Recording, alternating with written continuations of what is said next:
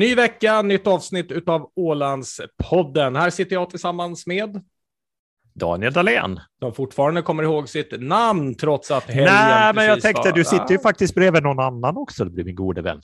Ja, jag sitter bredvid Leon Fagerlund här också. Ser du att vi har matchande tröjor också? Två Nike-tröjor. Det ser mm, riktigt bra ut. Snyggt har pappa mm. valt. ja, det, ja, alltså jag, det är märkligt det där hur man rekommenderar saker. Marika frågar då vilken av alla de här ska vi ha? Det här Nike, det är bra märke det. Eh, och det bedömer jag ju såklart själv därför att jag köpt någon sån här stor kollektion av, av Nike med liksom massa eh, sådana. Så jag tycker det är väl bra om alla har samma då. Mm. Nu när jag tänker jag efter det. faktiskt har jag nog Nike-skor också. Uh, just det, ja. Jag har väldigt mycket Nike, inte för att jag vet någonting vad de står för, bara för att. Nej, du har blivit sponsrad kanske. Det, nu ska vi gå vidare. Ålandspodden är numera sponsrat av Nike. Oj, nu kommer jag bli stämd i USA. Nu kommer jag aldrig kunna åka tillbaka. Alltså. Ja, vi har i alla fall en, en fin vecka framför på oss. Vi ska tala om allting från elnäten. Vi ska tala om Bomarsund, en lyssnarfråga som har kommit in. Eh, vi ska tala om World Economic Forum, eh, tänkte alla nu. Och nej, vad tråkigt. Men då kan jag glädja mig att då ska vi tala med om att brokostnaderna till Bomarsund blir dyrare. Så att, det, det, det, kommer vi också att, eh, att hoppa till. Och sen så ska vi ha en trevlig intervju idag också, Daniel. Ja, men absolut. Vi har Hanna Hagmark Cooper från, från Ålands sjöfartsmuseum på besök. Synnerligen aktuell, aktuell från olika delar av samhället. Verkligen. Men du, ska vi, ska vi starta helt enkelt med, eh, med det som det har skrivits en ledare om? Det, ni har släppt in Petter på ledarraden såg jag här i Ålandstidningen, publicerat 18 maj, eh, om att nu är det faktiskt dags att ställa om och modernisera elnäten. Jag vill bara säga att här kanske man talar mest om solceller. Jag är ju mest imponerad av att det går ju gamla klassiska elstolpar överallt också på Åland. Ja, ja det gör det och det åländska elnätet så har det väl varit diskussioner om i omgångar och hur man ska upprätthålla det och det finns många experter experter på området så att säga. Men nej, den här ledaren har väl, som Petter skriver, så kommer egentligen från det avslöjande som vi hade, eller granskningen rättare sagt, av att du har problem att få ditt solnät, solcellsnät uppkopplat mot, mot vad heter det, befintligt nätverk, då, elnätverk, samtidigt som landskapet ger en massa pengar för att du ska bygga solceller eller solceller hemma vid. Så det där är en liten utmaning det här och visar på problematiken med den här omställningen som alla talar om och behovet av omställningen, att det måste finnas de här grundstrukturerna färdiga och klara också, mm. annars kan det lätt bli problem. Jag älskade också det, deras svar, för att e-, egentligen kan man ju säga att de sa i princip att det är fullt just nu. Det går inte att sätta mm. in fler. Men det roliga var ju att svaret inte heller var att du kan ställa dig i kö, utan eh, man får chansa lite. Det är först till kvarn som gäller. det, den tyckte jag var bra. Bra service. ja, det finns väl en hel del att, att fundera kring eh, för dem ja, kring det hela, det, de som är involverade i det hela. Nu ska det ju komma en energikommission igen som ska se över det här, så det tar väl några år igen nu innan vi är på nästa steg i trappan så att säga. Men om du tar key takeouts från, från ledaren, vad är det, vad är det Petter egentligen, egentligen säger här? Han, han säger ju till att börja med att man måste utan tvekan ha den här frågan överst på agendan och den har väl blivit ännu mer aktualiserad mm. i och med de krigen som vi har sett och hur vintern var, vilket bland annat har drivit upp eh, energipriser och frågan om självförsörjande, eh, antar jag. Men framför allt är det ju hur man kommer behöva bygga ut det annorlunda i framtiden i just flexibilitet. Nej, men just det, att vara anpassningsbar på ett helt annat sätt än, än vad man har varit tidigare. För de här mikroproducenterna kommer det att bli betydligt fler av i framtiden än vad vi har idag. För det är väl på det sättet man tror att vi ska kunna klara av den omställning som kommer. Eh, jag är långt ifrån expert på det här området, men eh, det kan jag ju konstatera med en lekmans ögon att hela den här diskussionen kring det åländska elnätet eh, och vi har gjort dessutom enorma investeringar, inte, inte minst med tanke på den här så kallade Finlandskabeln för att försöka få stabilitet och kunna exportera mer el och få en helhet. Att, att eh, det finns en hel del att fundera kring här och samtidigt blir man lite fundersam i det stora hela också då nu när vi har flera stora vind vindkraftsprojekt på gång till Åland. Sen om de blir förverkligade återstår att se, men det är ju väldigt mycket energi och pengar som läggs ner på det nu. Då har vi sådana grundläggande problematik liksom lokalt på Åland så kanske det blir lite utmaningar. Så det gäller nog för dem som är med i det här. Vindkraftverksenergin ska väl inte ändå säljas till ålänningar? Nu får man väl ge sig här. Ska vi inte göra Nej. precis som alla i-länder alltid det... har gjort, det vill säga att vi producerar el, säljer det dyrt som tusan utomlands och sen mm. importerar vi kolkraft? Är det inte det Exakt som är så- den nordiska melodin? Exakt, exakt så kommer det bli. Och så säger vi att vi gör det för att vi tänker grönt. Då har du det. Där har du det. Om, om ni vill Nej, rösta på oss i nästa val så finns vi här. Nej, självklart är det ju så att de här, de här nya projekten ska vara, liksom gå på export till största delen. Men med det sagt så behövs det ju ändå förnybar, förnyelsebar energi på Åland också såklart. Bra, Mm. okej, vi sätter punkt där för det och hoppar vidare till eh, Peter Hegerstrands konsert som han hade. Ni har skrivit verkligen en, en, en artikel som är upplyftande om den konserten, om man nu var där, eh, den, alltså i Mm. fredags då när han satte upp den. Jag dock läser i ingressen här att Peter Hägerstrand bjöd på en rent förtrollad konsertkväll när, här och han, när han och hans band Badhusepoken tolkade dryga dussintalet dikter ur det senaste seklets åländska poesi. Och då tänkte jag direkt, ja, det kan ju inte ha tagit lång tid. Låter som en perfekt konsert. Eh, sammanfatt. Då började jag fundera på, undra vad jag kan kontra Mm. med för någonting.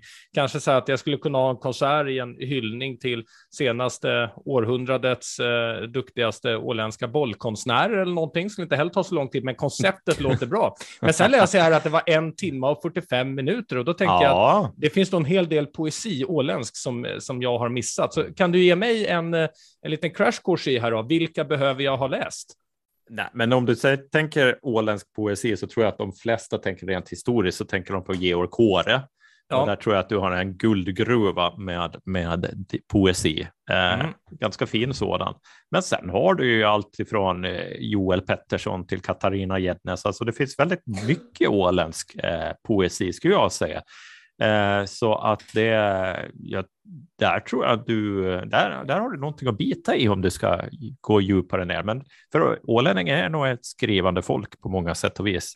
Ja, inte Eh. tusan är det med talande folk i alla fall, så att någonting måste Vad är det med nu då? du har aldrig reflekterat över att man har två öron och en mun, Karl. Ja, är det där man ska lyssna dubbelt så mycket som man talar? Ja. ja, ja. Men ni talar ganska mycket, bara att ni gör det själva i huvudet liksom. Eh, Och sen, ja, det räcker väl så. Det är tillräckligt många tankar där. Ja. Eh, Så att eh, i alla fall, Georg Kåre måste jag ta, eh, det vet jag ju såklart vem det är. Eh, Men eh, där måste jag läsa in mig mer. Joel Pettersson och vilken sa var den tredje här som jag måste läsa in mig på? ja, det är väl lite nyare. Katarina Gednes då som är, är ny. Eh, när, lite- när du säger är- nyare, det är väl inte i nutid? Jag är lite rädd mot sånt som är i nutid. Ja, hon är ju nutid hon till exempel. Så där har Ja, då lägger jag den en längst ner då. Ja. Mm. Hinner aldrig dit. Ja. Ja, om jag tar henne sen när jag är runt 70, då kommer jag tycka att nu äntligen börjar det här, nu har det värdat, eh, liksom, eller blivit, det har åldrats med värdighet så att säga. Så då kan På jag... något sätt så tror jag att Georg Kåre kommer att tilltala unge herr Lönndahl. Okej, nej men det låter strålande. Hur som helst, eh, konserten ska ha varit en, eh, en succé. Det talas det också om på stan, så det var fantastiskt kul. Ja, men definitivt. Jag pratade med vår kulturredaktör då, som återigen är Petter Lobråte, som jag just pratade om, som skrev ledaren, men han är också kulturredaktör och han var fullständigt lyrisk fortfarande idag. Så det var väl det vi konstaterar här stilla också, är att synd att det var bara en gång eh, för oss som missade. Eh, hoppas det kommer igen. Det hin- Pet- det, Petter för övrigt, eh, Mm. skriver han mer än hälften av allting ni gör på Ålandstidningen? Eller ni är typ så här 3000 personer som sitter här på kontoret, men alla artiklar är alltid Petter Lovroten? Är det liksom Ja, en så ni exakt. Absolut, han jobbar och vi andra tittar på. Mm. Ja, ja, skönt. Mm. skönt. Jag älskar det. Så, så har vi på banken också. Det är egentligen bara en som skickar pengarna. Okej, men du, hur är det nu? Har alla ålänningar blödarsjuka, eller? Hur tänker du då? Utveckla lite. Ja, men det är du som har skickat det här till mig och sagt Ja, att Åland är överrepresenterade i, i blödarsjuka, så pass att man eh, måste göra en doktorsavhandling eh, om forskare med Ålandskoppling och, och hit och dit. Vad, vad, vad händer här egentligen? Är det för, behöver vi importera mer personer, eller? För, att- Ja, för att utveckla det, generna Är här på det? Åland? Mm, mm, det, det finns ju en sanning med modifikation där i det du säger, alltså, för att det är ju blödarsjukdomen från Wilbrandska sjukdomen då som är synnerligen vanlig, vanlig, ska vi kanske fel bemärkelse här. Den har kanske högre frekvens på Åland än i andra områden. Och man- Framförallt förr, förr i tiden ska vi väl Förr kanske... i tiden, ja, absolut. Så, och då har man ju använt Åland som exempel här nu då för att titta och spåra och se hur sjukdomarna sprider sig och titta liksom genetiskt då, vilka vägar den tar. Och man har också tittat även ganska mycket på samiska samhällen och det har ju med att Åland var väldigt isolerat, precis som de samiska samhällena förr i tiden. Så man ska få en klarare bild av just, eh, av just den här blödarsjukdomen då, som, eh, som det är ju trots allt det är tio, tio personer av hundratusen då som får den här och det är företrädesvis pojkar och män då som får den här sjukdomen. Det är alltid pojkar och män som får alla sjukdomar, tycker jag. Mm, är det inte ungefär så statistiken mm. säger? Ja, ja, så är det nog. Tyvärr, kan vi säga. Okay, vad, vad, är poängen här med, med att det kommer en ny forskning? Det är en ny forskning, det är en ny doktorsavhandling som görs av en tysk eh, forskare eh, som tar det ett steg vidare här nu då, som kommer att göra en avhandling och det kommer att presenteras. Det är ett tag sedan man tittar något djupare på den här enligt den informationen som jag har för tillfället i alla fall. Så man ska sammanställa all information han har hittat. Han har suttit i landskapsarkiven och eh, han har mycket fakta som man ska leta igen eh, ännu och det kommer att ta lite tid innan han blir klar. Men vi kan väl se fram emot det då, om det kanske är fel ordval, men vi får väl se en, en mm. doktorsavhandling i det här ämnet igen som belyser liksom Åland ur ett litet annat, i ett lite annat sammanhang. Ja, Även om jag kan ju tipsa honom om att eh, idag så har egentligen isoleringen bara lett till att Åland eh, liksom lider kollektivt av siciliansk Alzheimers, vilket annars är ganska unikt. Men kollektivt sicilianskt Alzheimers, ja. utvecklade. Just, just kollektivt, den har jag lagt till själv. Nej, men mm. siciliansk Alzheimers, alltså att eh, eh man har jäkligt taskigt minne. Det enda man minns är bråken. och inga, inte framgångarna. Nej. nej, nej, minns inget glatt. Man minns bara alla bråk. Aldrig för sent att ge upp. Mm. Okej, okay, vi rullar vidare och släpper på dagens gäst, va Daniel? Vad säger du om det? Ja, men absolut.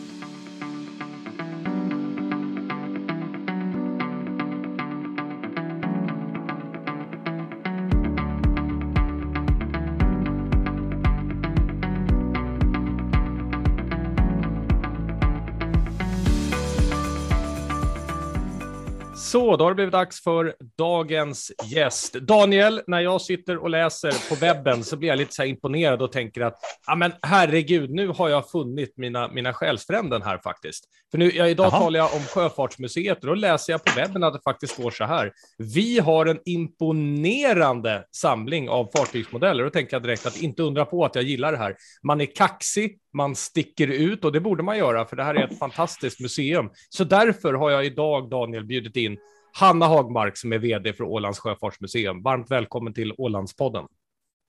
Tack så mycket. Daniel, vad säger du när jag säger det där introt? Att eh, ah, man blir lite impad, va? Nej, men det, de har väl all rätt att göra det med rätta, för Sjöfartsmuseet, eh, jag måste ju säga det själv, jag brukar springa där rätt ofta. Om inte annat så har det blivit också något ett vattenhål för barnen och ett otroligt bra ställe att komma dit och uppleva sjöfartshistoria och, berätta gamla historier. Så får man som pappa ljuga och hitta på lite också samtidigt och det kan man ju tycka är roligt.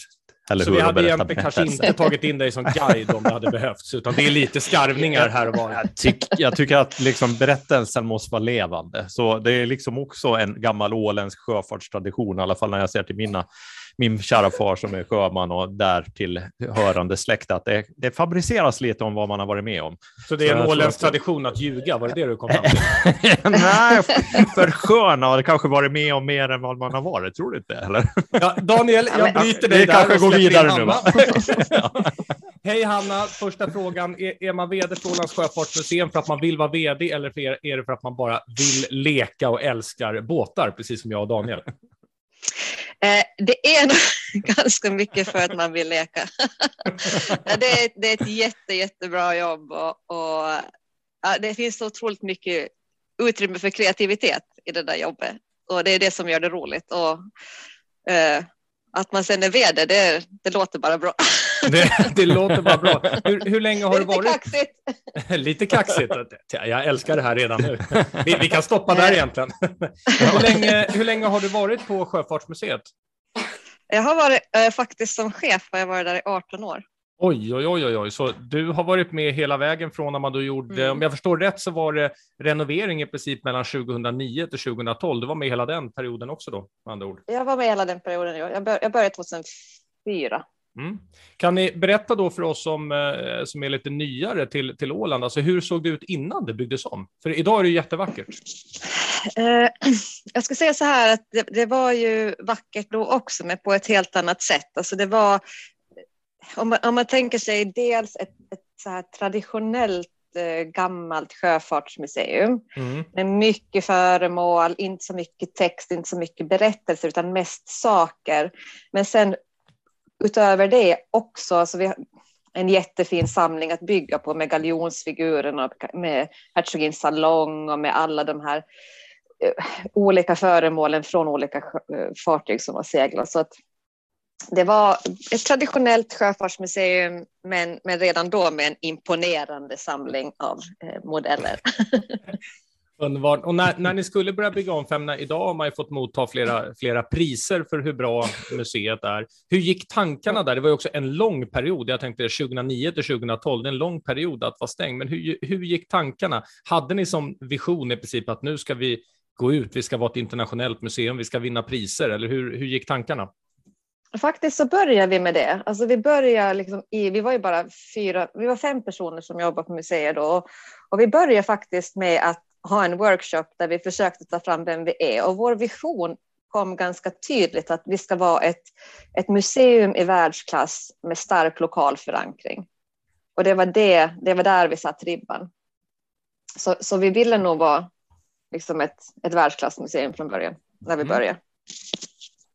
Ja, jag älskar ju verkligen när man sätter ribban så, så högt det kan gå. Och hur, hur arbetar man då löpande? Ni jobbar med olika typer av utställningar och allt sånt här. Hur arbetar man med det? Ja, eh, vi jobbar ganska mycket, liksom, vi, vi tar mycket influenser från det internationella. Eh, men sen kör vi faktiskt rätt så mycket på egen känsla, vad vi tror att funkar, vad vi tror att är bra och vad det är som får oss att gå igång just när det gäller utställningar. Och då blir det faktiskt ofta bra. Eh, och, och när det gällde själva den här liksom, nya huvudutställningen som vi byggde när vi byggde ut museet så att säga, då handlade det mycket om att vi ville berätta historien om ålänningarnas relation till havet. Det var väl det vi ville försöka få fram. Eh, så, och sen försöker vi hitta saker som vi tror att folk gillar och vi tänkte mycket på det där med att lyfta människorna. För jag tror ju att människor är me- mest intresserade av andra människor än av saker. Att en, en sak kan vara vacker men den blir ännu mer intressant om du kan koppla den till en annan människa. Och det är därför delar av utställningen ofta har att man talar om individerna som var med om eh, bland annat olyckorna, Mm. resorna, allting sånt. Mm. Jag tänker Pommern eh, också, har ju verkligen personliga berättelser. Mm. Jo, det är det vi, eh, vi lite vill göra. Ofta så kan ju en personlig berättelse också ge en bild av en tid eller en, en anda eller, eller så. Hur hittar ni alla de här personliga berättelserna? Är det liksom från ert arkiv eller är det mycket att ni måste ut på fältet och, och, och, och fråga och prata med släktingar och nära anhöriga och liknande?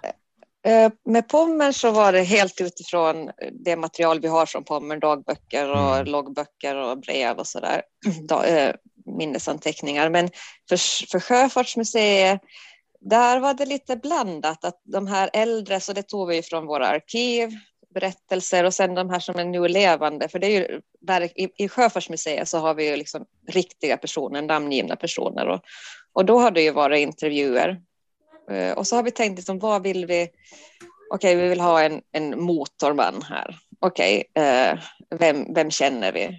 Vem har en intressant berättelse? Och då blev det till exempel Lasse Eriksson. Då. Eh, och i äldre tider så var det väl personer som vi tyckte att var fascinerande som vi ville lyfta fram helt enkelt. Mm. Mm. På tal då om, om personer och sådär och det som Daniel berättade tidigare att eh, man ljuger ju inte på Åland, man bara förskönar, framförallt när det kommer till havet. Har du någon sån där favoritskröna eh, eller, eller berättelse som är så här, ja, wow, den här, den här tar alla, den här tar alla pris? När, när jag eh, guidade på Pommern en gång, det här är länge sedan och det var före jag var chef, Mm. så hade jag ett gäng eh, ungar från, de måste ha varit från eh, vad heter det, Alandia Cup, en sån här, som ett fotbollslag och så gick jag runt på Pommern och berättade och visade och då fanns det i akten på mellandäck så finns det som ett litet så här förråd, matförråd och där hänger det en stor krok och den hade man för att väga liksom vetesäckar och sånt egentligen, Ja. alltså mat.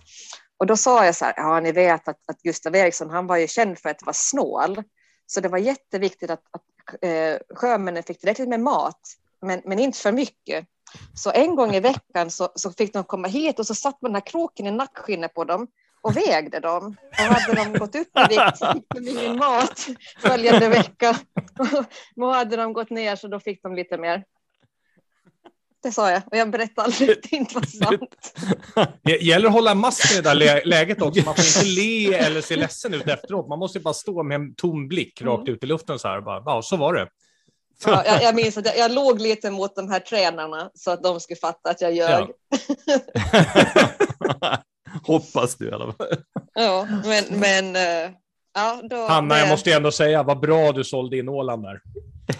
Du berättade i alla fall all sanning. Att han var snål, det var ju inget nytt. Han var ju ändå ålänning liksom. Så att, Ja, Ja, precis. ekonomisk Karl, ekonomiskt Förlåt. snål. Ja, precis. du sa Ekonomisk. faktiskt, ja. Hanna sa faktiskt också snål här nu. Ja, hon, hon misstar sig. Även en ålänning kan göra misstag. Ja, Jag känner mer och mer att västra Mariehamn, det är nog mitt, liksom, min plats i livet tror jag. Där, där hänger alla vid lika tänkande. Hanna, vad finns planerat nu framöver här nu då? Hur ser sommaren ut för Sjöfartsmuseet och Pommern? Eh, den ser bra ut. Jag tycker vi har ett ganska bra bokningsläge på grupper och så där. Och sen har vi ju en nyhet, eller en nästan nyhet i år. Vi ska tillåta, eller vi ska ordna med att eh, besökare får gå upp i riggen på Pommern. Aha, vad kul. Okej. Vi kommer att ha eh, under de här fem högsäsongsveckorna så kommer vi att ordna det två gånger i veckan, tisdagar och fredagar. Och det är en sån där, eh, vad heter det, buy-in option. Så du måste först köpa din biljett och komma ombord. Sen kan du välja om du vill betala lite till och gå upp i riggen. Kan man inte göra någon sån här bra variant att gå upp i riggen är gratis, men komma ner blir svårt om du inte betalar? Det skulle man kanske också kunna göra. Man tack, ja, Men men, inte alltså blir vi sittande där med ett, ett, ett helt fotbollslag i ryggen som inte Ja. vill komma ner. alltså, inte du, du kan ju inte göra gör det där mot ett gäng målänningar, de kommer jag aldrig betala. De sitter där De blir sittande där. Ja. Ja, de blir sittande där. De får betala för det då. Låter jättekul. Som vd då, håller du, händer det fortfarande att du håller en guidad tur själv? Ja, ganska mycket faktiskt. Ja. Eh, Och det, det är bra att jag får göra det. Och jag försöker liksom ändå hålla mig lite grann involverad i vad, vad alla gör så att jag har koll, Mm. koll på det. Men eh, jag är inte jättebra när eh, att stå i kassa till exempel. Det, Det är inte din core-kompetens så att säga. nej, Brukar det bli dyrare eller billigare när du står där? Ja, det brukar bli gratis, för jag vet inte hur man använder kassan. Säg till nästa gång du är där. Ja, jag just tänkte säga det. Då kommer vi och. Ja. Nu eh, släpper vi Sjöfartsmuseet och Pommern därför att Daniel har också laddat upp med eh, vindkraftverksfrågor, tror jag. Dan. Det låter väldigt Yes. seriöst när man hör det sådär. Ja, det låter seriöst, men det är väl egentligen det som hände här ute på Långnabba där du var... Du förrättade en dopceremoni, var det så? Jo, jag, jag blev som gummor faktiskt för, de där, för den där parken, så det var riktigt roligt. Tio nya vindkraftverk som har redan börjat producera el, om jag har Ja. förstått saken rätt. Det Jättespännande stämmer. satsning. Eh, det som är, däremot som var ännu mer spännande kan jag tycka, det var att det var, eh, de är döpta efter framstående kvinnor från det åländska samhället i historien, va? Är det inte så? För de Mm. tidigare vindkraften är väl efter, sjö, efter olika segelfartyg om jag inte missminner mig helt. Ja, det tror jag att de är ju faktiskt. Och det, som, jo, det, var, och det var jätte, jätteroligt för att eh, det var ju så att, eh, att det här, det var Leif Nordlund som tog kontakt med mig och frågade om jag ville ha äran att namnge Mm. de här, de här eh, eh, möllorna. Och då hade man redan bestämt då på det här Vindax att de skulle ha namn efter, efter kvinnor i den, i den åländska historien. Och jag, det tyckte jag var jättebra. Eh, för det är ju så där att kvinnor hamnar ju ofta i lite i skymundan i historien. Och det är mycket för Mm. att de har ju inte haft samma utrymme i det offentliga rummet så att säga. Eh, och, eh, och, nu, och nu fick de det. Och det, här, det, som jag tyckte också var bra var att man hade då det var Gyrid Högman som hade tagit fram förslag på namn. Så det var liksom inte jag som gjorde det, utan det var Gyrid Högman. Och, och då hade hon faktiskt försökt leta fram kvinnor som inte är de här som, man, som alla känner till, utan det här var andra kvinnor som på si- sina sätt, liksom, kanske inte alltid så, så jätte eh, offentligt gjort, gjort saker och ting för, för Åland. och det var det jag tyckte var riktigt, riktigt fint. Nu, nu blir man ju jättenyfiken här. Mm. Eh, är det någon av er som kan namnen på dem då? Så att man får, ja, får veta. Ja, nu kan inte jag dem utan till längre, längre tänkte jag säga, ännu menar jag förstås. Jag, jag, har faktiskt en lista här. Ja, men du har det, vad bra. Det var det jag tänkte. Ja, för, jag, för jag tyckte att de var spännande, just på det som, precis som du säger, för de här vanliga namnen, eller vanliga namnen, jag tror de flesta känner till dem. De här namnen var lite, stack ut på flera sätt och det var det, man ska kunna sin åländska lokalhistoria ganska bra om man ska kunna de här namnen tror jag. Men de, jag kan ju ta dem snabbt. Det var ja, Ingeborg sure. Olsdotter, Anna Lovisa Matsdotter Sjöström, Gustava Westerlund, Elise Westenius, Amalia Eriksson, Amanda Josefina Jansson, Madelina Söderlund, Clary Rajander, Minna Nyström och Beda Rosander var det. Kan Precis. du berätta något mer om någon av de här? För det, det är ju inte de vanligaste namnen i den åländska historien? De där som, som jag kommer ihåg, alltså de som jag kände igen före jag fick den här, på den här listan så att säga. Så det var eh, förstås Amalia eh, Eriksson mm. som då var Gustav Erikssons mamma. Så henne kände, kände jag igen då. Eh, och sen var det ännu när Anna Lovisa Matsdotter Sjöström, den historien om hur hon, hon var ju från Eckerö då. Och hur hon, Finnbo va? Eh, ja det kan vara, det, det vet jag faktiskt ja. inte. Mm men hur hon då liksom gav sig ut, eh, hon, kik, hon ofta kikade liksom under storm, att det bara, hur, hur det såg ut på sjön och såg då ett fartyg som förliste och, och kallade till hjälp och for själv med ut och hjälpte till att rädda de här eh, sjömännen. Så de två var de som jag kände till före. Eh, och sen tyckte jag att det var ganska eh, intressant också med den här eh, allra äldsta med, som var med där, då, alltså den här Ingeborg Olsdotter som var en läkekvinna från 1600-talet och hon brändes då på bål. Jag tror att hon brändes på bål. Hon fick i alla fall sätta livet till för att, under de här häxprocesserna. Och sen, så hon, hon räddade liv men fick själv sätta livet till och sen har vi den här då, Anna Lovisa som också räddade liv och hon fick en medalj. Så det, det ändras lite grann med, med år, århundradena och det var ju bra i och för sig. Så... Gått åt rätt håll i alla fall. Ja. Spännande. Jag vet ju redan nu att vi förmodligen behöver planera in att berätta om alla de här kvinnorna, Daniel, för mm. det kommer säkert ja, någon som skriver till oss om det. Ja. Mm. Det får vi lägga in. Vi får ta det med oss längre fram. Med det sagt, eh, Hanna, vi vill börja med mm. att tacka dig så jättemycket för att ha varit med i Ålandspodden. Allt lycka till nu framöver eh, med Sjöfartsmuseet, Pommen och e eventuella nya dop eh, som du ska hålla. Det vet, vet, vi inget, det vet vi inget om eh, ännu. Och till alla er som lyssnar där ute, eh, kom nu ihåg kort och gott att eh, kommer ni dit så håller Hanna ibland både guidade turer, men står hon i kassan, då är det gratis. Så då gäller det att... Det var det huvudsakliga budskapet idag. Det med Man ska alltid ha en key takeout från, från allting. Nej, men ni gör ett ja. fantastiskt arbete och Sjöfartsmuseet är som Tack. det ni ville att det skulle vara, eh, någonting som verkligen håller internationell renommé. Och med det sagt så går vi vidare i programmet. Hanna, tack för att du var med. Tack så mycket. Tack, hej.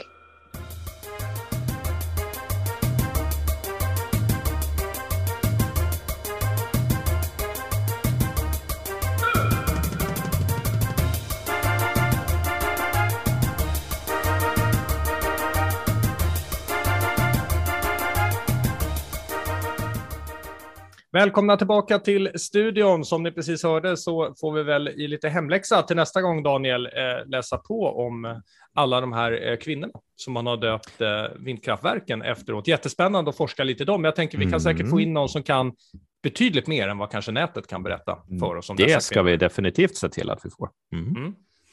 Okej, nu kommer vi till allas favoritämne. Precis som vanligt så har prospekteringen utav någonting nytt som ska byggas blivit helt fel och därför ska brokostnaderna för bron ja, vi skrattar men...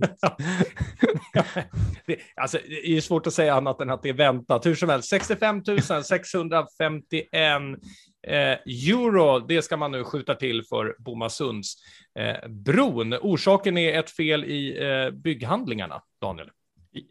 Ja, när cirka 60 procent av stålbalkarna för körbanan hade monterats då förra hösten så upptäckte entreprenören att norrpilen på montageritningen var vänd 180 grader åt fel håll. ursäkta att jag skrattar, men det är ju liksom det, det känns ju som när man själv håller på hemma ibland att oj då, nu får jag börja om igen. det, när man håller på och bygger någonting. Men, men ja, mm. det är så typiskt alltså. Men eh, Tänk dig när, den morgonen. Det var säkert en måndag morgon också Ja. när de kom på. Ja, Va, vad tusan, ska de verkligen vara åt det här hållet? Eller hur blir det nu egentligen? ja, ja vilken norr här nu då. ja, Ja. la, Nej, det- det lätt att skratta åt lätt. Mm. Mm. Men för att tala om personer som inte kan räkna så är det ju nu återigen dags för World Economic Forum. Exakt. Eh, Jag har faktiskt en, en Ålandsberättelse om just, eh, om just eh, VEF. Och det är Mm. en av de första gångerna som jag är här så hyr vi en, en stuga. Jag vet, jag vet inte exakt var, var den låg, jag hade något så bra koll på geografin då, men på något sätt norrut från Mariehamn i alla fall. Säger 30 minuter ungefär.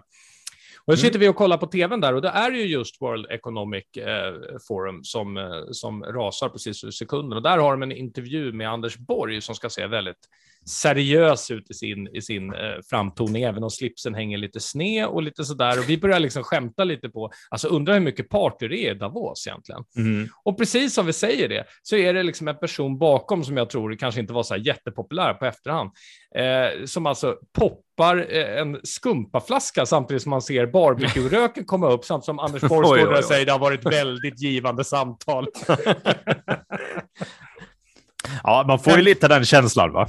Man, man får ju det, men å andra sidan så ska ju president Zelensky eh, ska väl hålla ett tal också för, eh, för World Economic Forum i år. Så det, det är lite mer seriös not Mm. kanske i år, men du får gärna utveckla. Nej, men det är väl så att det är ganska mycket forum, eller forum är ganska mycket fokuserat på just Ukraina och både Zelensky och utrikesministern och flera ska hålla tal under, under liksom den här veckan nu. Det är ju väl så att det brukar väl vara på vintertid väl eh, egentligen? Ja, ja absolut. Ja, det här eh, vanligtvis, jo, men det nu är det brukar vara sommar. januari, februari eller möjligtvis mars. Där någonstans Mm. brukar det vara. Ja, och sen är det ju så också att ryssarna är inte välkomna. Det brukar ju vara ganska mycket ryska oligarker som är där och bjuder på en det ena än det andra, men eh, inte i år av en, en viss anledning. Då. Så Så, den här poppande champagnen och barbecuen kanske, eh, kanske- får stå tillbaka i år. Ja, och samtidigt också så det, det är ju faktiskt ganska allvarligt läge som världen befinner sig i. Inte, inte bara delvis på grund av Ukraina-kriget heller, utan vi har ju inflationen, vi har liksom eh, inte minst eh, problemen med, med mat ute i världen eh, som har en viss eh, koppling till Ukraina och, och kriget där. Så, så de har nog någonting att bita. Sen så, har du ju hela klimatomställningen också som är, står på agendan. Så det ska bli intressant att se lite vad man kommer fram till här, eller om det blir kanske bara champagnekorkar och, och grillning och så hoppas man på en bättre morgondag ska liksom komma av sig själv. Jag vet inte. Vad tror du? Nej, vi, vi, vi får se, tänkte jag säga. Nej, jag tror att agendan har varit... Nej, nej, nej det, det, det är jag inte. Det, det orkar de inte med, tänkte jag säga. nej, men eh, jag, jag tror väl att eh, jag, vad jag har hört i alla fall i korridoren, om man Mm. säger så, är väl att eh, det är ganska oklart hur det här forumet ska bli i år. Eh, Mm, och, och det eftersom det. den, eh, liksom, det, det ligger ju som den här våta filten över, över allting naturligtvis med vad som händer just nu och i sista sekunden har man försökt anpassa agendor. Det är också svårt att veta hur Mm. folk kommer att må eh, när man väl är där. Så, så däremot så kan jag säga från mitt håll att jag har inte följt World Economic Forum på kanske fem år, men eh, jag ska definitivt eh, eh, titta i år. Det, det kan jag ju säga. Nej, men det är ju Allt så. Man kan säga att det, det är ett annorlunda år och jag Mm. vill se hur man jobbar ihop där. Och det finns andra saker också såklart på, eh, på himlen här med, med inflationen, hur USA faktiskt ändrar om sin ekonomi i grunden. Det Mm. hörde ni ju lite av Martin Pasi Mm. förra veckan som berättade Mm. i podden bland annat och så där. Så det finns eh, väldigt mycket spännande och det började ju alltså i, igår för de som då har missat det, så det är i full gång just nu. Ja, och allt går ju att se live och i efterhand också om man vill det för den är intresserad. Och det spänner, det heter World Economic Forum, men det är allt möjligt där. Det är mycket säkerhetspolitik såklart för Ja. tillfället för den som är intresserad av det, men också Ja, men också hur man ska, hur, hur hälsosystem ska se ut i, i världen i framtiden och liknande. Så det är, det är allt mellan himmel och jord. Rekommenderas för den som har tid över. Verkligen, verkligen. Bra, så du har redan tittat på allting som har kommit ut då? Nej, jag kollar på programmet, det kan jag ärligen säga. Men det, jag vet inte var jag ska börja. Jag känner att det här kan ju sluka några nätter om det vill sig väl. Jaha, det, ja, det är inte dåligt. Innan vi eh, hoppar till det som ska hända i helgen och resten av eh, veckan så är tanken här att vi ska eh, diskutera lite om sommarens bästa festivaler i Norden för den som är sugen att eh, åka på, eh, på det. Eh, så ni har sammanställt en liten lista. Observera här nu, Rockoff är inte med på listan, så jag höll på att sluta läsa, men det står ju faktiskt eh, i, i Norden och utanför Åland. Eh, Mm. Annars vet ju alla vad den absolut bästa festivalen är. Ja, absolut. Men det ni har skrivit, det är, och det är lite kul när jag läser eh, de här olika ni, ni har valt, för ni har bland annat skrivit här att Way Out West eh, är tillbaka starkare än någonsin, eh, har Tara skrivit här. Och då läste Mm. jag line-upen består bland annat av First Aid Kit, det är det är ju någon sån här nytt rockpunkband, tänker jag då. En artist som heter Mö och Princess Nokia. Alltså, vad, vadå starkare än någonsin? Så står det att tidigare har varit Prince, Prince. och- Kanye West, Ja. eh, Alicia Keys. Ja, Prince är den enda jag känner till ordentligt. Är, han är ju död. Så han kommer inte. Han, han lär ju inte komma i alla fall. Men, men, Nej. men hur som helst, vi går väl i ordning här. Vi börjar med 3 till 4 juni, Daniel. Vad händer då? Nej, men jag måste bara få hugga in i det för att jag är lite samma sak. Jag konstaterar, shit, jag håller på att bli gammal. Jag känner ju inte igen de här artisterna De har ju överhuvudtaget. knappt slagit igenom ännu. Det är, Nej, ja, ja, jag menar det. det är annorlunda nu, Ja, typ. eh, typ ja. Nej, Men om vi börjar då så pratar man om Summerburst. Och det är ju i, på Göteborg, där på Ullevi, i, i två dagar. Och där då, där var det faktiskt line-up som man kanske känner igen, som Alan Walker och David Guetta. Men, och sen var det en massa andra som man inte förstår sig på. Men, men Alltså, eh, han, eh, David Guetta, han har jag hört talas om. Ja. Vad heter den andra? Ja. Alan, vad sa du? Alan Walker, Alan Walker, han har du nog hört väldigt mycket av också. När du var ung. Han behöver nog, Ja. eh, han behöver nog öka på lite sin... Han behöver nog jobba lite med PR för att nå mig. Jag finns i västra Mariehamn vid Sjöfartsmuseet. och, och, och lyssnar inte på någon annan än dig själv. Nej. Nå, nej, nej, nej, jag lyssnar ju på Rolling Stones också. Okej, då rullar vi vidare. Sen är det Roskilde, denna legendariska, som för övrigt Ja. då, Roskildes huvudscen är ju eh, Rolling Stones eh, scen från eh, 1975 för övrigt. Ja, så där. Då vet ju du det. Mm. Mm. Där kan du få kampa och lyssna på musik i år igen då, om du vill. Ja, och där har de ju inte heller med en enda artist som jag kan, men om, om man nu åker dit så kan man lyssna på någon som heter Post Malone, Anita och Dua Lipa. Ja. Ja. Men eh, för den som känner för det finns det möjlighet att kampa på plats. Eh, Där säger jag bara äh. Nej, kommer jag inte göra. Men eh, hur som helst, Roskilde är ju en väldigt legendarisk, låter som vi bara, det, det råkar bara vara så att jag och eh, Daniel är kulturellt bevandrade, så där, därför känner vi inte till någonting som har kommit ut senaste 25 åren. Eh, men, men för er som gillar den här nya kulturen så är Roskilde ett bra alternativ. Sen kommer en, eh, en eh, festival här i, i Finland som jag naturligtvis hört talas om, men hur uttalas det? Säger man Ruirock? Eller vad säger man? Ruisrock? Nej, Ruisrock. Ro- Roisrock? Roisrock? Eller vad sa du? Ja. Ja.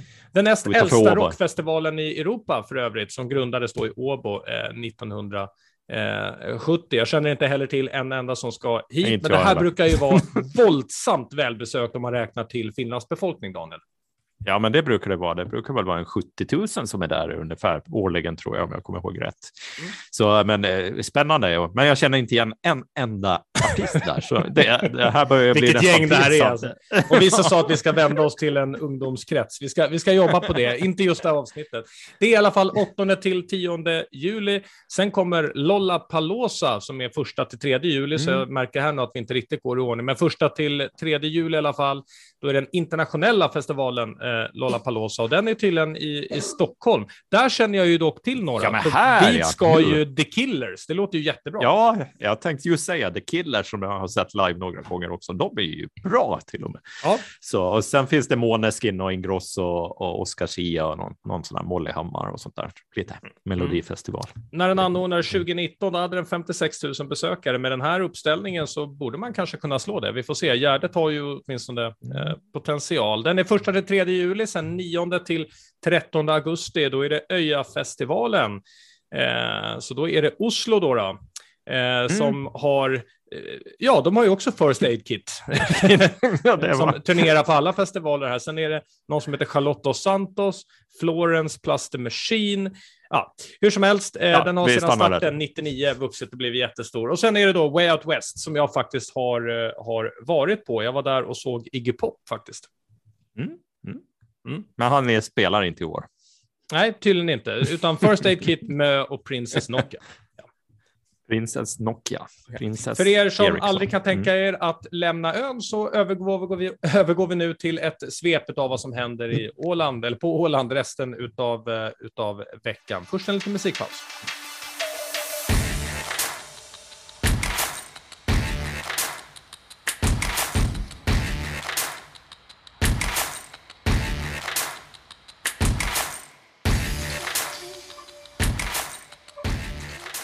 Ja, i helgen då så har det blivit dags för ett av årets absolut största evenemang. Det är ju såklart Åland grönskar, eller hur?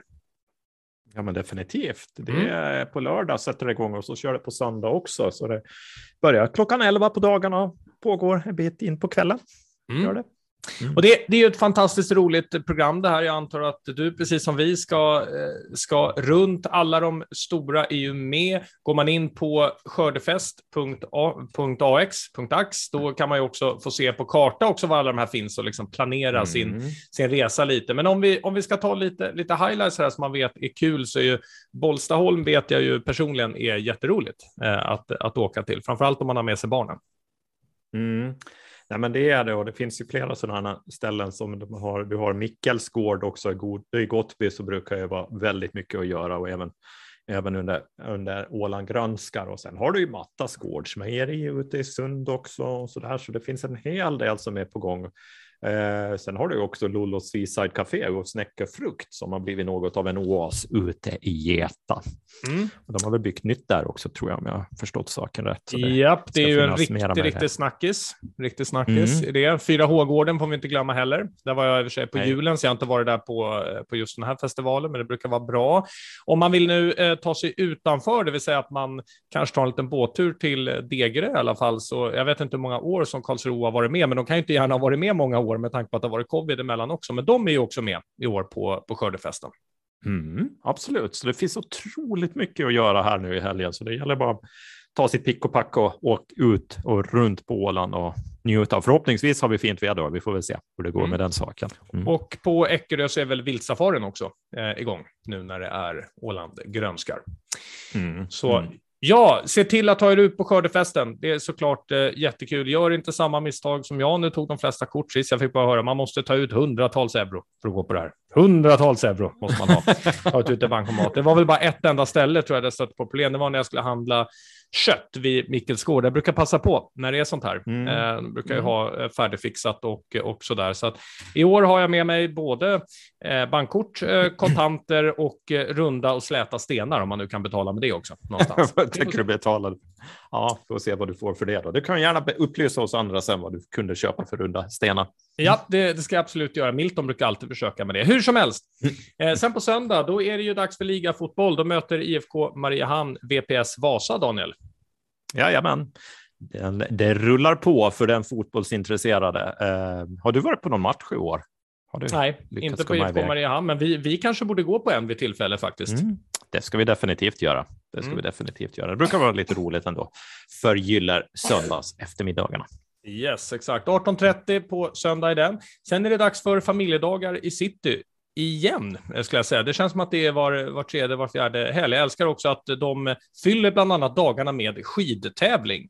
Eh, och det, alltså jag blir väldigt besviken om jag kommer dit nu Om det är och det snö. inte finns skidtävling.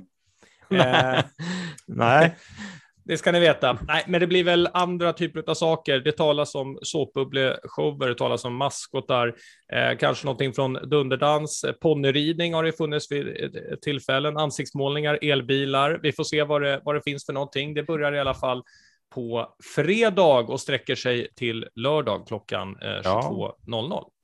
jag läste Också- såpbubbel-shower istället för shower. Okej, du läste shower, men du kan få ta en, en shower där om du vill. Jag ser faktiskt ser. rent av att det är ganska otydligt eh, skrivet. Det står 27 maj till 29 maj klockan två på natten. Ja, jag vet inte riktigt, men se. fredag och lördag är det i alla fall. Eh, det Ja, kanske även är söndag, vi, vi får se. vi, vi hoppas på det och kör mitt inne i stan. Gör vi. Mm. Exakt. Och det där sammanfattar väl egentligen eh, hur det ser ut inför veckan här. Eh, veckan därpå, då är det ju så att Sund också fyller 700 år, så det ska vi försöka ha med här i Mm. nästa podcast, för det kommer det vara en rad med evenemang runt omkring. Vi har ju redan nämnt Sund lite idag i och med eh, alla diskussioner om Bomarsund och allting annat. Så det, det är väl något att se fram emot. Ja, men absolut. Det blir en, en riktig resa det också. Mm. Yes, och till alla er där ute så är det väl som vanligt. Det vankas en åländsk helg om några dagar. Se till att spara pengarna och leta efter bästa klippen ni kan få på skördefesten. Jag vet i alla fall att Daniel kommer göra det. Eh, han kommer väl lykta, eh, lyssna på ryktesvägen var de bästa rabatterna finns. Mm. Eller? springande med mina stenar. Ja, runda, runda stenar ja. Och fina pinnar. Vässade ja, pinnar. Absolut. Ja. Så ser det i alla fall ut, så det är ytterligare en mm. fantastisk vecka från, eh, ja, ska vi kalla det solens mittpunkt? För det är det i alla fall eh, idag. Det står att det ska regna varje dag, men det är sol varje dag. Så här är det på Åland. Ja, men det här är ju Åland i ett nötskal. Vi har ju mest soltimmar på hela, i hela Norden. Nej, i hela Östersjöregionen faktiskt till och med. Mm. Så mm, det gäller. Nu njuter han. Nu njuter han. Nu njuter han, ja. Mm. mm. Perfekt. Men eh, se till att fortsatt uh, sitta inne. Kan ju bli solbränd om du går ut, så stanna inne du. Ja, Då... nej, det är onödigt att fresta sig. ja, jag, mm. jag menar det. Lidelse är bättre. Från oss här i studion till er, ha en fortsatt riktigt trevlig vecka. Det här är Ålandspodden med Karl Lönndahl och Daniel Dahlén.